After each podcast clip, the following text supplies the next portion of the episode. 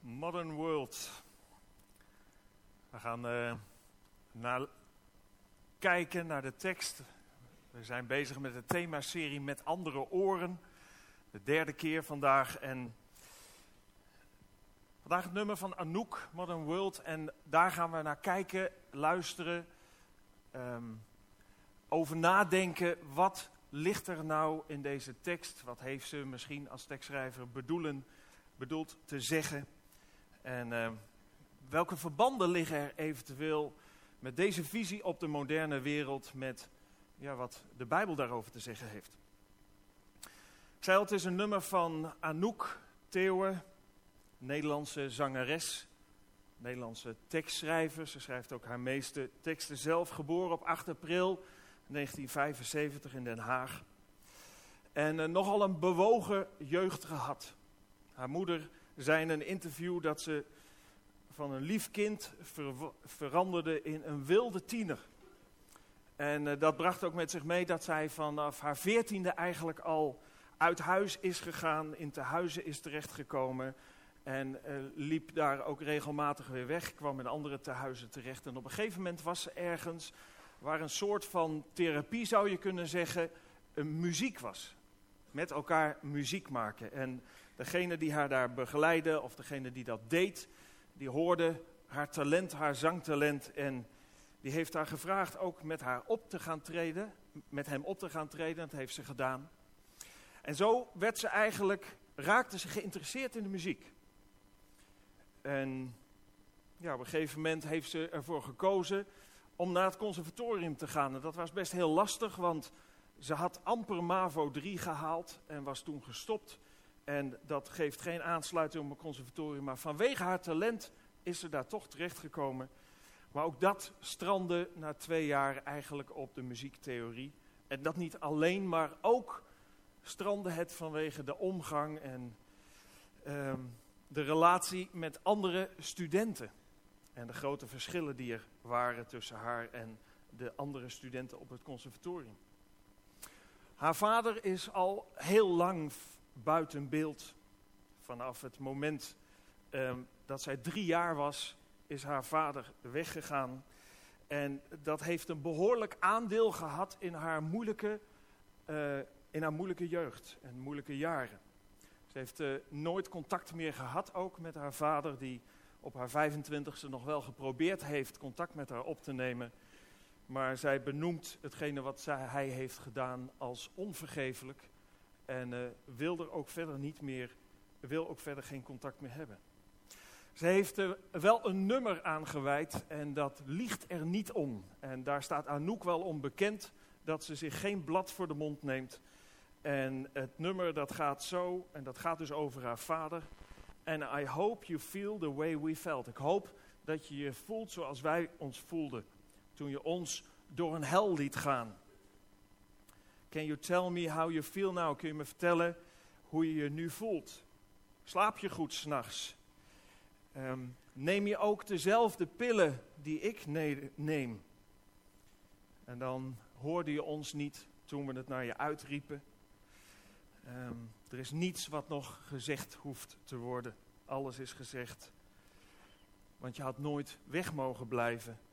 Niemand, geen man, verlaat zijn vlees en bloed op deze manier. Gaat op deze manier om met zijn kinderen. Nou, je kunt je voorstellen dat als dit gezongen wordt en in de openbaarheid komt, dat dat nogal wat zegt over hoe diep dit bij haar zit. Hoe groot niet alleen de frustratie, maar ook de pijn is over die periode.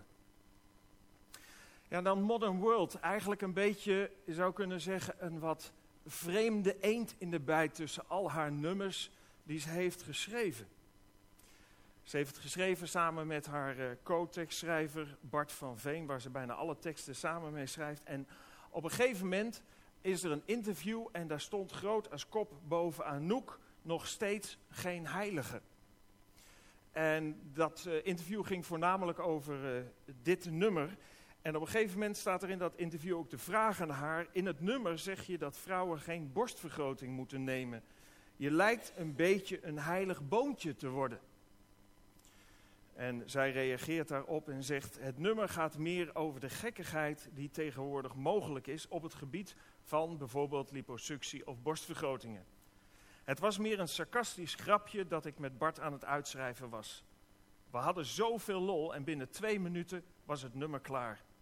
Nu lijkt het alsof ik ergens heel erg op tegen ben. Maar het was gewoon een grap. Gelukkig weet iedereen dat ik niet zo heilig ben. Dus daar zal ik niet zoveel last mee krijgen. Dat is haar reactie op, op het nummer en, en op de inhoud die ze heeft geschreven. En eigenlijk moet ik zeggen, als ik ook andere, ik heb heel veel interviews gezien die ze op televisie heeft gegeven, op radio, ook interviews in bladen. Het lijkt me sterk dat hier niet veel meer in zit en veel meer achter zit dan alleen maar deze grap. Het lijkt veel meer dat ze het nu, zeker in dit blad, tot een grap maakt. Uh, omdat uh, ja, ze ook haar fans tevreden heeft te houden. En als het inderdaad zo is dat zij een beetje een andere kant op zou gaan met haar leven, dan is dat natuurlijk niet makkelijk. En de vraag is natuurlijk ook, ja, hoe ingewikkeld is het niet juist voor Anouk om moraliserend te zijn, om, om een bepaalde moraal over te willen dragen. Na alles wat ze doet en gedaan heeft, de manier waarop ze bekend is. Toch vraag ik me af, als ik deze tekst lees, of Anouk zich niet gewoon aan die gekte wil ontworstelen. Of ze misschien niet gewoon klaar is met die periode en eigenlijk een andere weg in wil slaan. Ze heeft een aantal huwelijken achter de rug. Ze heeft langere periodes van diepe depressie achter de rug. Ze heeft de verantwoordelijkheid voor drie kleine kinderen. En het was gewoon een grap. Gaat er bij mij niet in. Maar wat ik wel erin lees, is dat ze eigenlijk zich voor de buitenwereld niet kan voordoen zoals ze misschien daadwerkelijk is of zoals ze op dit moment het liefste zou willen zijn. Ze is eigenlijk opgesloten, geketend in haar imago en door haar imago om eigenlijk door te, door te gaan met alle gekte die ze al achter zich heeft. In datzelfde interview stond ook deze regel. Als ik zie wat er na de show allemaal om me heen gebeurt, dan weet ik dat ik twaalf jaar geleden, dat ik dat twaalf jaar geleden al heb gehad. Ook daarin drukt ze eigenlijk uit dat er een hoop dingen gebeuren en gaande zijn die zij achter zich gelaten heeft of die ze achter zich wil laten. Die ze misschien deed toen ze een jaar of twintig was of jonger, maar de tijd is wel geweest. Als we nu wat verder inzoomen op het nummer, dan zien we die ja, toch wat moraliserende teksten. Toch wat die tekst die ja, zou kunnen zeggen van ja, maar ik heb wel wat te vertellen en dat is misschien dan toch wel wat anders dan dat ik altijd heb gezegd. Ze schrijft, vertaald, rare manier om te kikken. Spuit siliconen in je lippen. Als je figuur je niet bevalt, zuigen ze gewoon het vet eruit. Wat vind je van je borsten, meiden?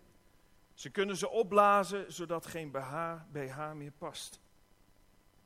Vrij vertaald zou je met het hele stukje kunnen zeggen: er is zoveel gekte aan de gang en er is zoveel mogelijk, maar hou jezelf niet voor de gek. Want wat je ook doet op deze terreinen om aan je trekken te komen, wat je ook doet eigenlijk om, om gelukkig te worden, of wat je ook onderneemt omdat je denkt dat je daar gelukkig van wordt. Aanpassingen aan je lijf zullen je niet gelukkig maken. Dus eigenlijk zegt ze, hoe, hoe ver moet je gaan? Hoe groot moeten je borsten worden? Dit is een heel extreem voorbeeld om erachter te komen dat je daar niet gelukkig van wordt. Maar dat je eigenlijk steeds de neiging hebt om verder en verder te gaan. En dan gaat ze naar een volgende thema. Dit gaat echt over dat wat je aan jezelf doet. En dan gaat ze naar een tweede stukje en daar zegt ze: Je zegt haar dat ze mooi is en plaatst haar op een voetstuk. Maar google je 3 maal x, de, de code, drie x'jes achter elkaar, waar pornosites op verschijnen, dan slaat de verbeelding toe. Ook hier zou je kunnen zeggen, zit een bepaalde moraal die ze wil overdragen, die je van Anouk niet gewend bent. En het lijkt wel of ze een stuk onbegrip hier laat zien. Van aan de ene kant mannen die gefascineerd zijn over een vrouw. En, en, en laten, laten merken dat ze van hun vrouw houden en noem maar, maar op. Maar aan de andere kant zo op een ander moment achter de computer kruipen om naar andere vrouwen te kijken op pornosites en hun verbeelding helemaal te laten gaan en hun vrouw te vergeten. Jongens, gaat ze verder. Hoe meer je aan seks met iemand anders denkt, des te beter het wordt, joh. Natuurlijk een, een schets, een cynisch bedoeld, want, en dat komt duidelijk naar voren ook in dit gedeelte, het tegenovergestelde is waar. Seksualiteit is in de tijd waarin wij leven gedegradeerd tot een soort van lichamelijke bevrediging en daar gaat het en daar draait het allemaal om. Van intimiteit, van liefde, van je voor elkaar bewaren en dat soort dingen is steeds minder sprake. En, wat draagt ze hierin over? Dat is niet iets wat uiteindelijk de bevrediging geeft die je zoekt. Dat is alleen maar korte termijn denken. Dat is iets wat eigenlijk je steeds aanzet om verder te gaan. Om meer te willen, om extremer te zijn. En dit stukje maakt ze af met de woorden: Heb je nog een doel in je leven behalve het bedriegen van je vrouw? Gebruik in hemelsnaam toch je verstand. En wie weet spreekt ze wel uit eigen ervaring, of wie weet spreekt ze uit de gevoelens die zijn overgebleven uit de wilde jaren die ze zelf achter de rug heeft. En dan snijdt ze een derde onderwerp aan. Het lijkt eigenlijk gewoon maar selectief een aantal dingen te zijn. Want ja, het kader waarover je kunt spreken als je het hebt over onze moderne wereld en de bedreigingen daarvan zijn natuurlijk veel breder dan deze drie dingen. Het laatste onderwerp wat ze aansnijdt gaat over adoptie. Vandaag de dag, zegt ze, is adoptie in. Je haalt een kind voor bijna niets. Je regelt thuis voor hen een nanny. En je koopt je schuld af met speelgoed en snoep. Maar eigenlijk zit er heel veel in dit stukje wat niet klopt. Adoptie voor bijna niets. Ik weet niet of hier mensen zijn die er ervaring mee hebben. Maar adoptie is iets wat niet alleen financieel een enorme aderlating is. Maar wat ook fysiek, geestelijk een enorme inspanning is. Dat is niet voor bijna niets. En het, ergens is het ook onzin natuurlijk om adoptie te verbinden met de weinige aandacht die kinderen krijgen en de opvoeding of het gemis daarvan afkopen met snoep en speelgoed. Dat komt in alle gezinnen voor, of het nou eigen kinderen zijn of aangenomen kinderen. Misschien is het veel meer een sneer van haar naar bijvoorbeeld Madonna, die ze in een interview een oude tak noemt. En haar adoptie van David, die ze buiten alle regels om uit Malawi meenam. En waar rechtszaken om ontstonden. En waar eigenlijk het grote geld bepalend was voor een, een korte adoptieprocedure, zou je kunnen zeggen. En misschien niet alleen Madonna, maar over de hoofd van haar heen, misschien naar alle celebrities. En in Amerika schijnt het erg in te zijn om kinderen te adopteren en daar je grote geld op te zetten. Om ze, misschien in die gevallen inderdaad, bij een nanny te droppen en met je geld te proberen af te kopen wat je aan verantwoordelijkheid laat liggen. En dan snijdt ze nog een onderwerp aan. Maar al het geld waar je voor werkt, meiden, is niets vergeleken bij liefde, jongens. Anouk schrijft zelf in een interview dat ze het liefst thuis is bij haar man en kinderen. En inmiddels alleen bij haar kinderen, want de man waar ze deze kinderen mee heeft, is ze van gescheiden. Het zou ook door haar in dit geval een heenwijzing kunnen zijn naar werkende moeders. Iets waarvan ze zelf zegt een hele nadrukkelijke keuze te maken om haar carrière niet zoveel ruimte te geven dat het ten koste gaat van het bij haar kinderen zijn. En misschien ziet zij wellicht de desastreuze gevolgen van de afwezigheid van moeders in gezinnen doordat ze werken. Ik heb niks tegen werkende vrouwen, maar ook zoals we in diensten hiervoor hebben gehad over opvoeding, over puberteit, over tienerjaren, over kinderjaren. De aanwezigheid van de moeder in een gezin tijdens de opvoeding en met name de jongste jaren is ontzettend belangrijk. En soms snap ik ook absoluut onze eigen overheid niet. Die maar aan de ene kant loopt te roepen dat meer vrouwen moeten komen met een betaalde baan.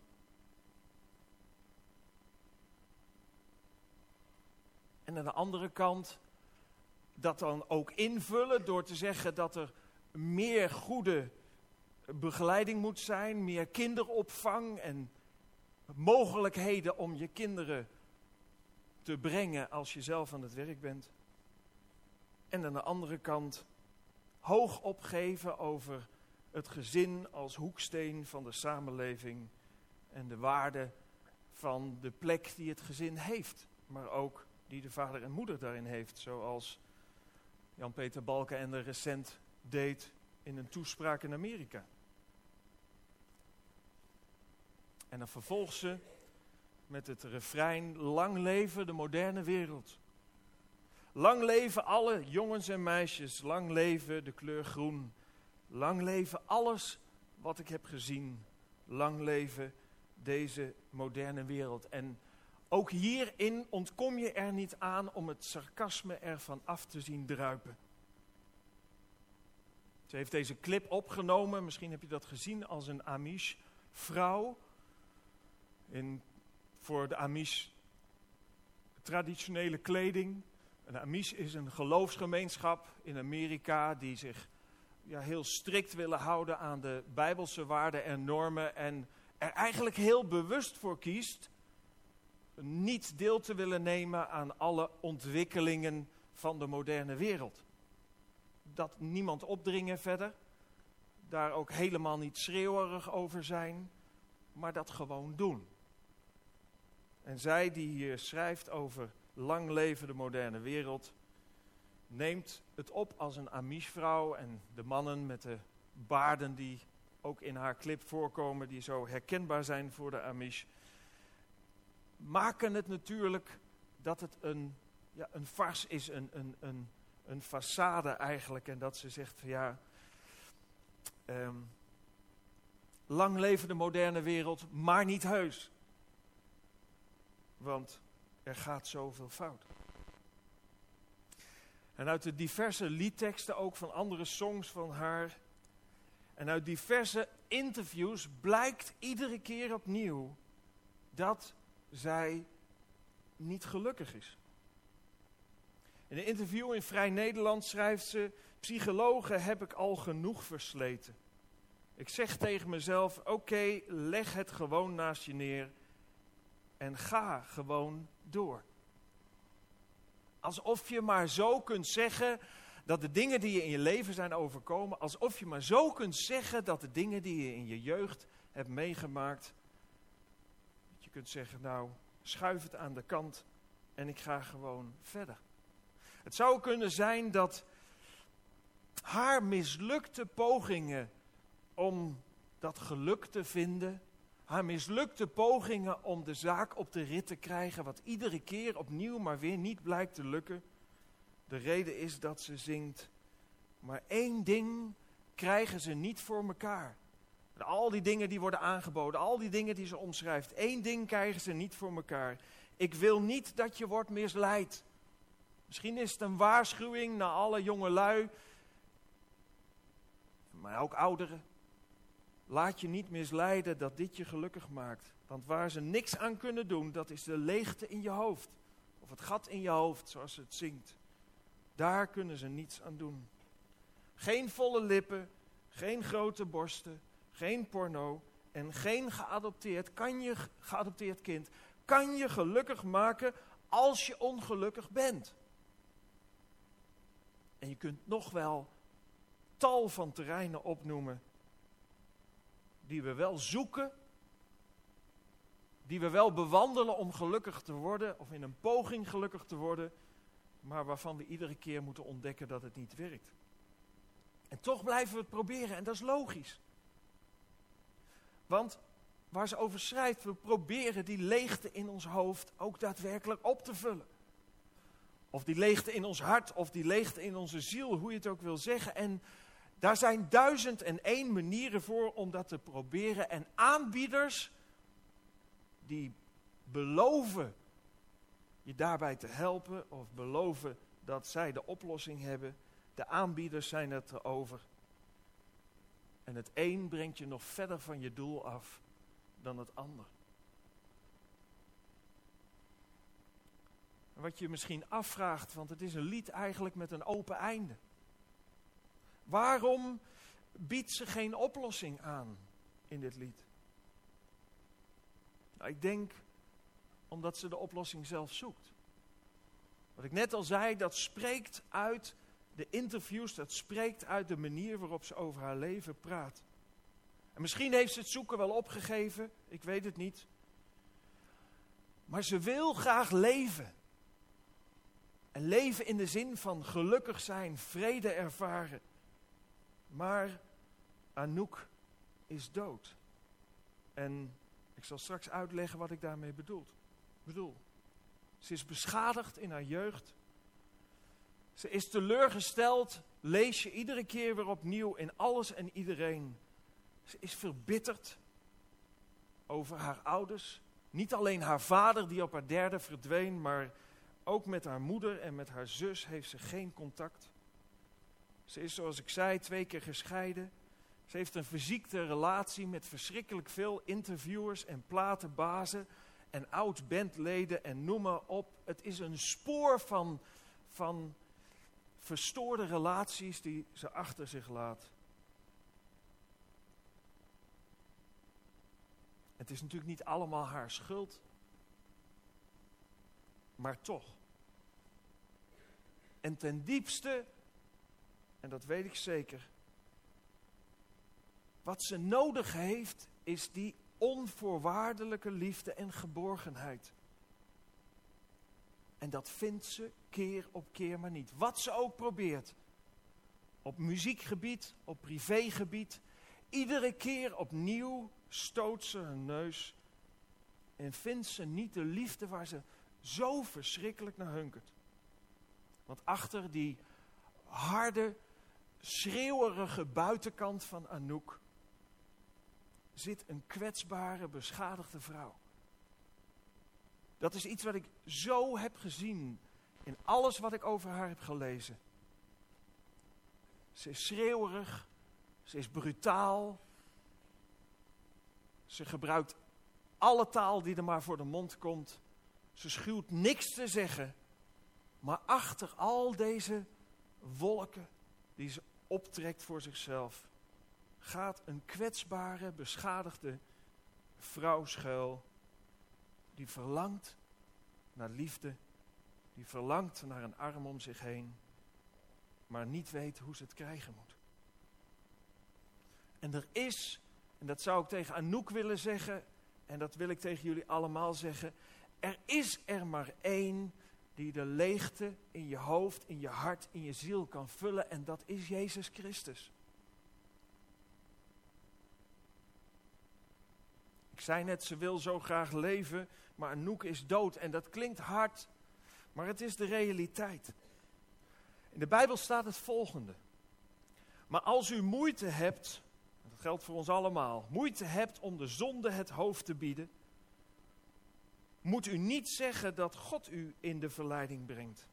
God heeft nooit de neiging iets slechts te doen en hij brengt niemand in verleiding. Het zijn uw eigen slechte verlangens die u in verleiding brengen. Die slechte verlangens brengen u tot slechte daden.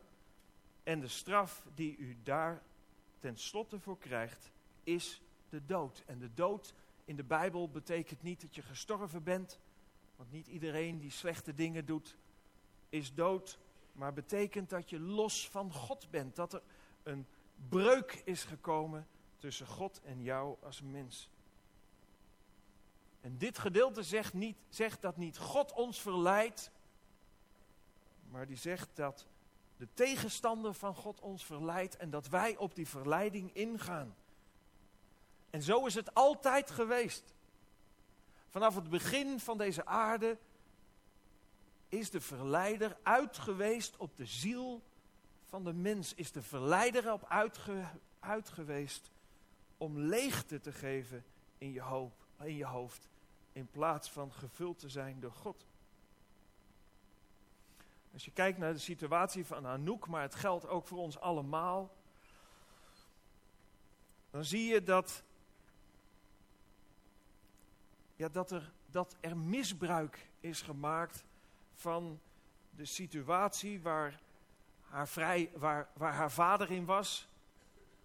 Misbruik is gemaakt van de mogelijkheid die hij had om niet liefdevol, maar juist ja, verschrikkelijk moeilijke dingen te doen, moeilijk voor zijn kinderen.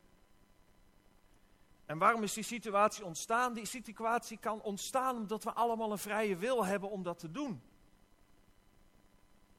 Ieder mens kan ervoor kiezen om kwaad te doen, om dingen te doen die niet in het verlengde liggen van wat God van ons vraagt, maar die in het verlengde liggen van de verleiding van het kwaad. Nogmaals, staat in deze tekst, het zijn uw eigen slechte verlangens die u in verleiding brengen. En die slechte verlangens brengen u tot slechte daden. Niemand uitgezonderd. En de vraag is niet, wat overkomt je in je leven? Want er overkomt ons allemaal van alles in ons leven. Een heleboel negativiteit.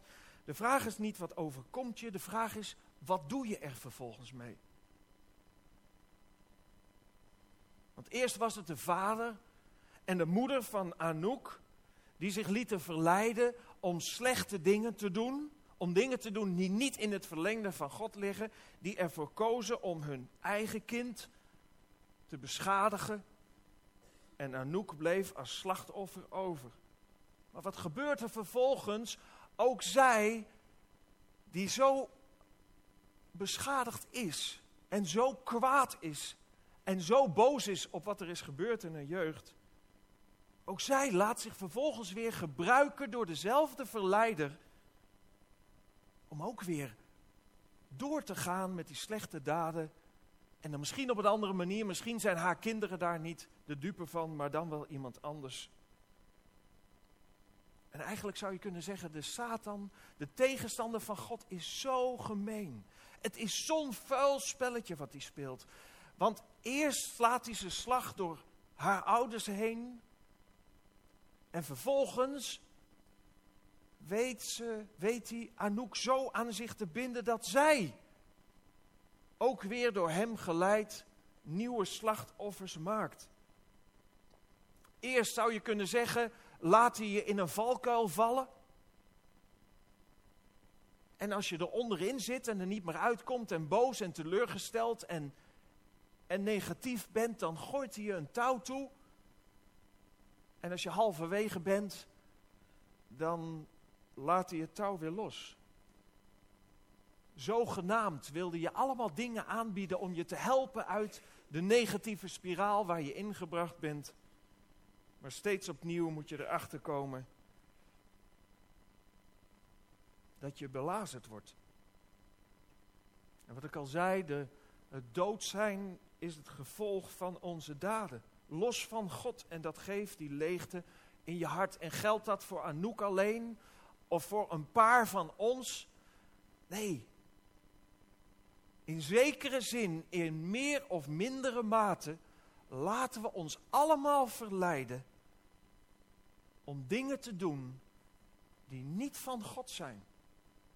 En niet omdat we het niet weten, want we weten het heel goed, ook al zijn we niet met de Bijbel groot geworden, weten we het nog heel goed.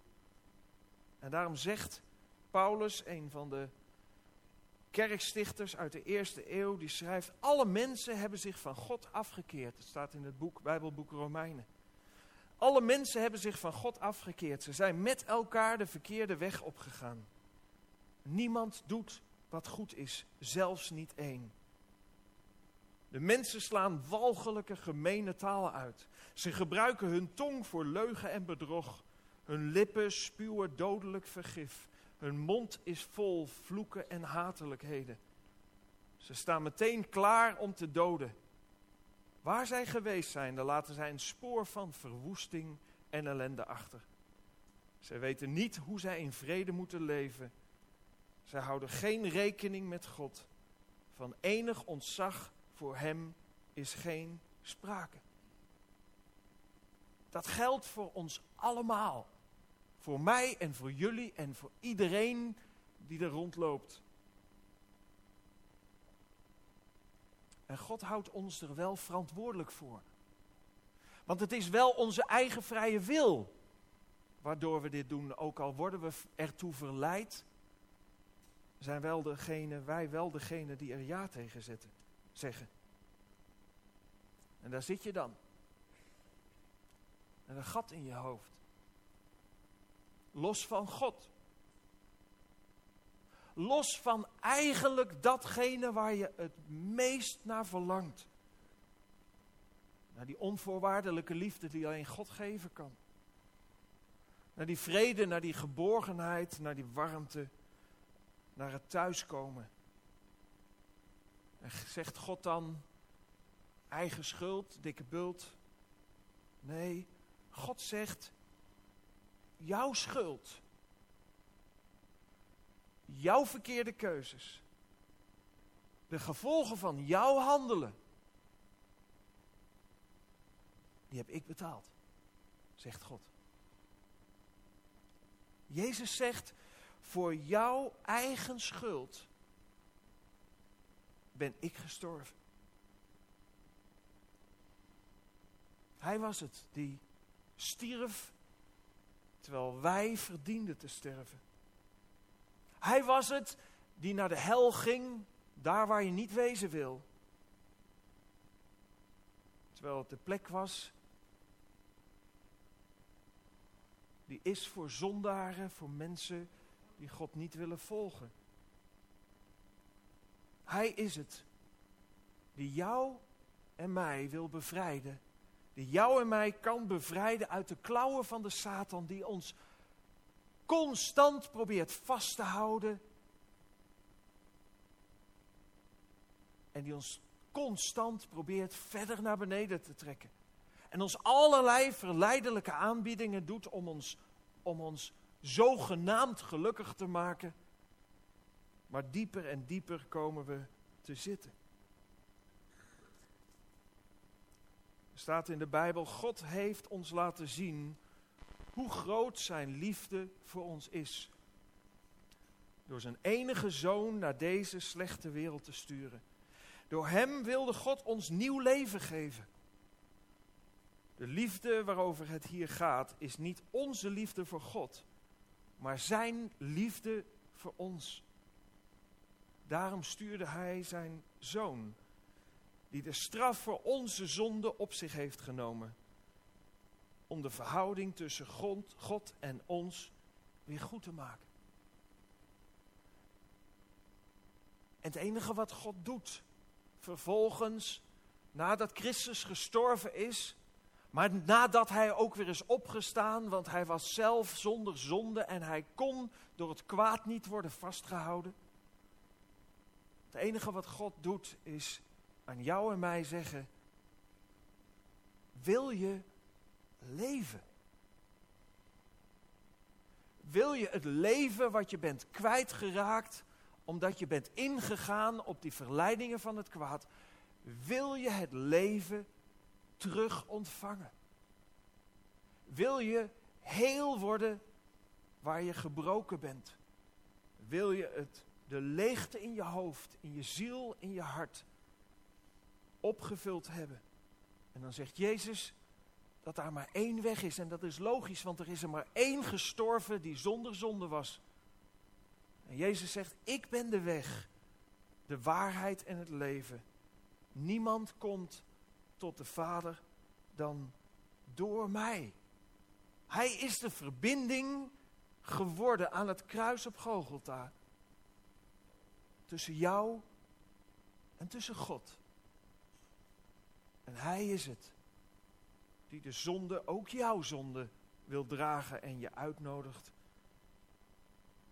Om dat wat Hij voor jou en voor mij heeft gedaan, uit zijn hand aan te nemen.